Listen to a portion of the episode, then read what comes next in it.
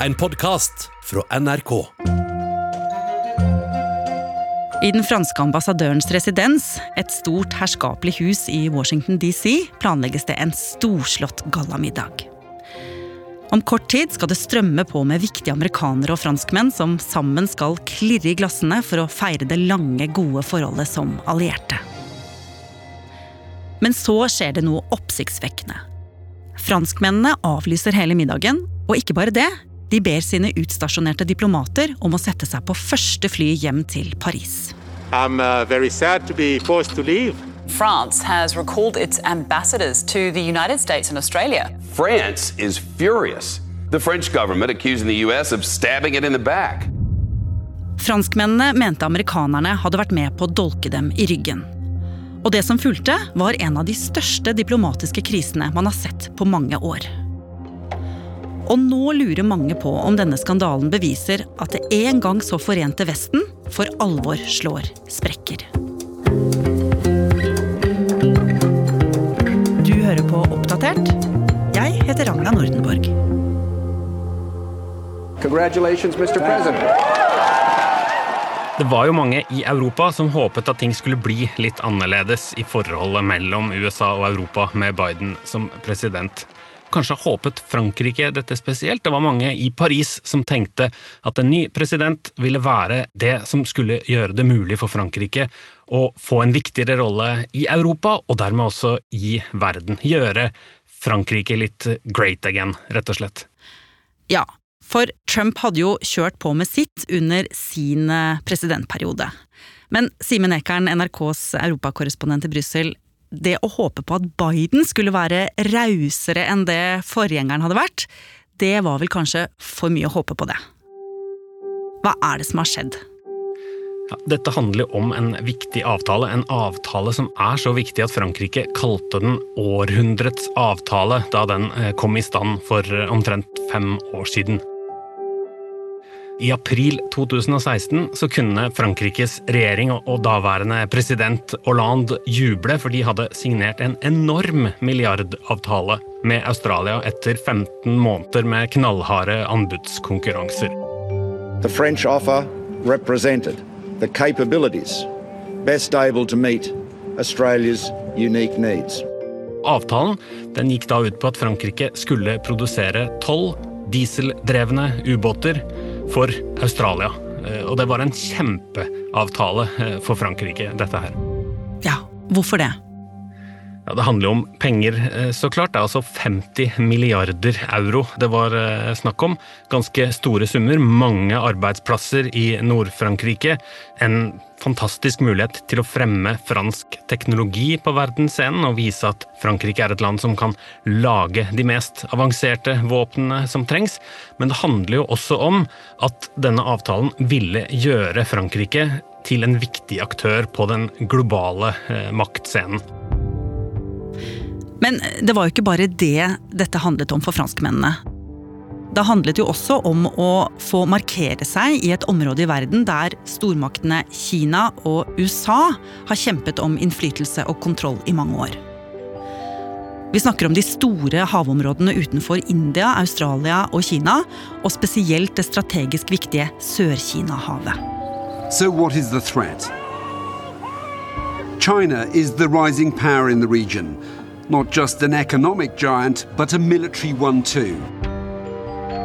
For Frankrike så var det da fryktelig viktig at det var Frankrike som skulle kunne være en sånn alliert. Og da er det ikke bare ubåtene, men også en idé om fransk diplomati og fransk måte å forholde seg til Kina på. Og dette plasserte dermed da Frankrike, og også Europa, på den globale maktscenen. Så dette her var det jo naturlig nok mange som heia på i Frankrike. Og ganske kjapt etter at de landa denne avtalen, så satte jo franskmennene også i gang med å bygge denne store ubåtflåten. Ja, og for den eh, vesle byen Cherbourg nord i Frankrike så var jo dette en kjempemulighet eh, og en enorm endring i lokalsamfunnet. Massevis av arbeidsplasser. Det kom også en hel mengde australske ingeniører, folk som skulle være med på dette, hadde flyttet familiene sine opp til Frankrike. Det ble utvidet kapasitet på skolene for å uh, håndtere engelskspråklige elever. Man hentet australsk stål, og Frankrike hadde samtaler med Australia jevnlig for hvordan dette skulle løses på best mulig måte. Og alt gikk så å si etter planen i flere år, trodde franskmennene. Iallfall er det det de sier at de trodde. Ja, for onsdag 15. september så skulle jo alt snu for franskmennene. De ble rett og slett offentlig ydmyka, Simen. Ja, for det var altså da en virtuell pressekonferanse. Well, good morning from Australia. I'm very pleased to join two great friends of freedom and of Australia Prime Minister Johnson and President Biden. Der ser vi den australske statsministeren sammen med Joe Biden og Boris Johnson foran hver sin blå bakgrunn med de tre landenes flagg fint plassert i bakgrunnen. And while we have always looked to each other to do what we believe is right, we have never left each other. Og det som skjedde, var at de presenterte da en helt ny allianse kalt AUKUS. Australia, UK, US. AUKUS, a partnership where our technology, our scientists, our defence forces are all working together to deliver a safer and more secure region that ultimately benefits all. Og denne trioen, viste det seg, hadde inngått en pakt da, om å samarbeide, om å dele klassifisert eh, teknologi. The first major initiative of AUKUS will be to deliver a nuclear-powered submarine fleet for Australia.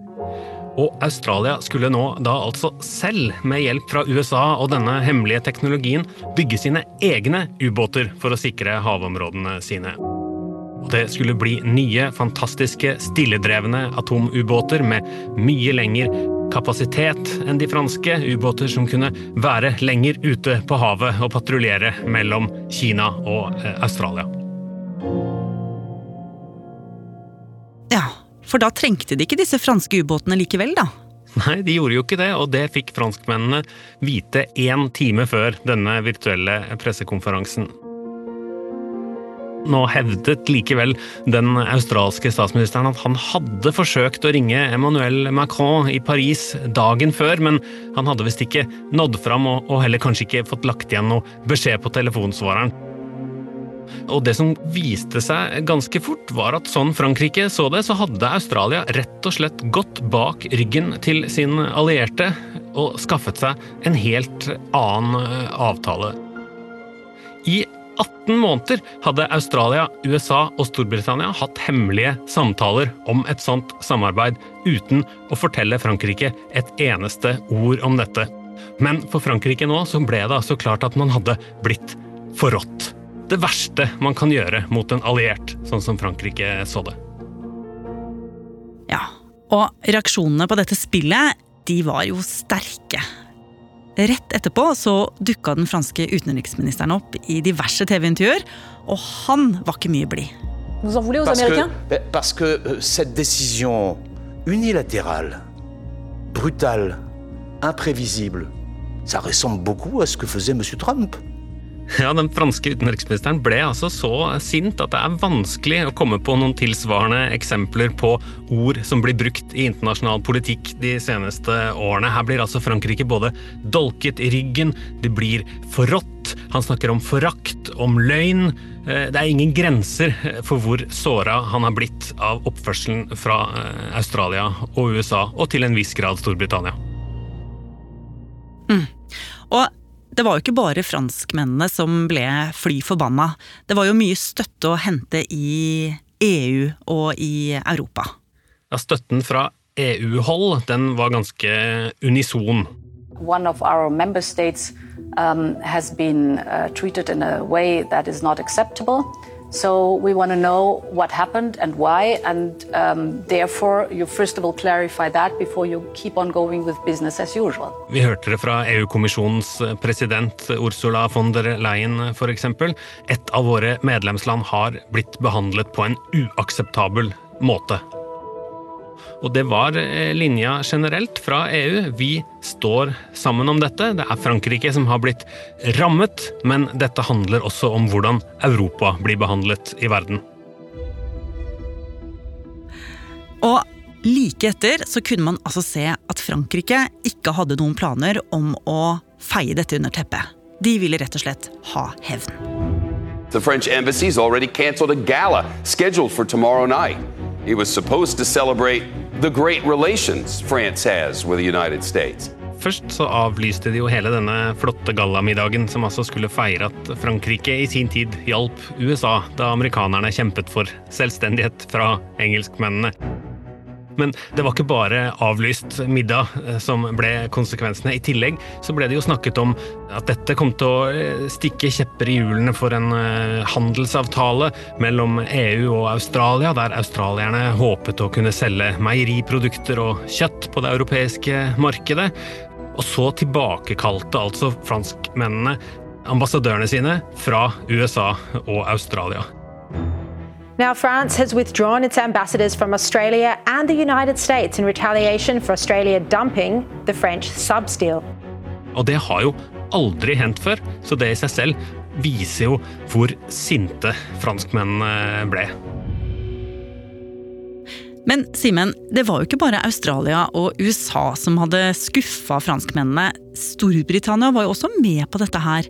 Men her kjørte Frankrike mer enn kald skulder.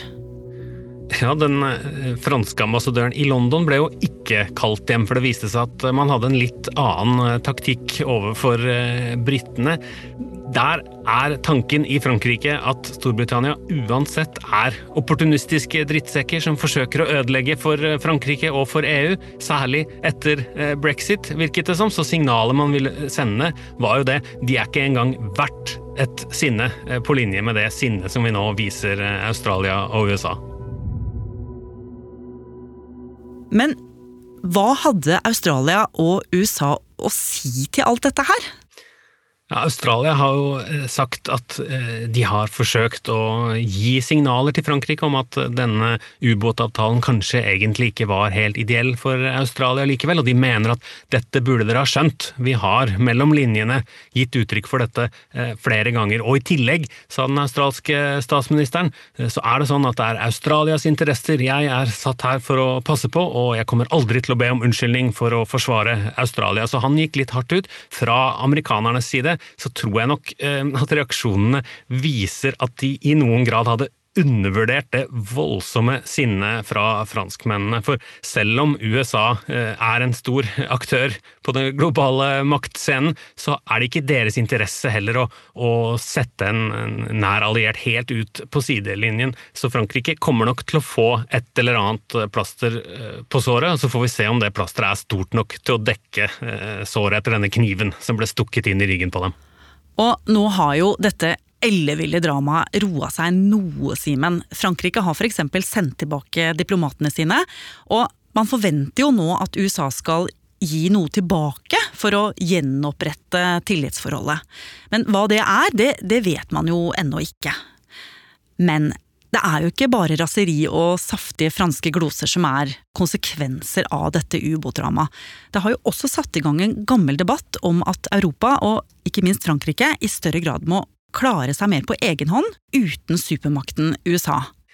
Dette har jo vært eh, hissige debatter i Europa i mange år allerede. Det er mange i EU som mener at ideen om et selvstendig eh, europeisk forsvarssamarbeid er preget av en sånn fransk stormannsgalskap, og det blir jo spennende å se hva en sånn eh, tanke skulle eh, få å bety for oss i Norge, og så klart hvis eh, Nato-samarbeidet skulle visne hen pga. denne typen uenighet, og, og, man ser at det europeiske forsvaret blir mer sentrert omkring EU.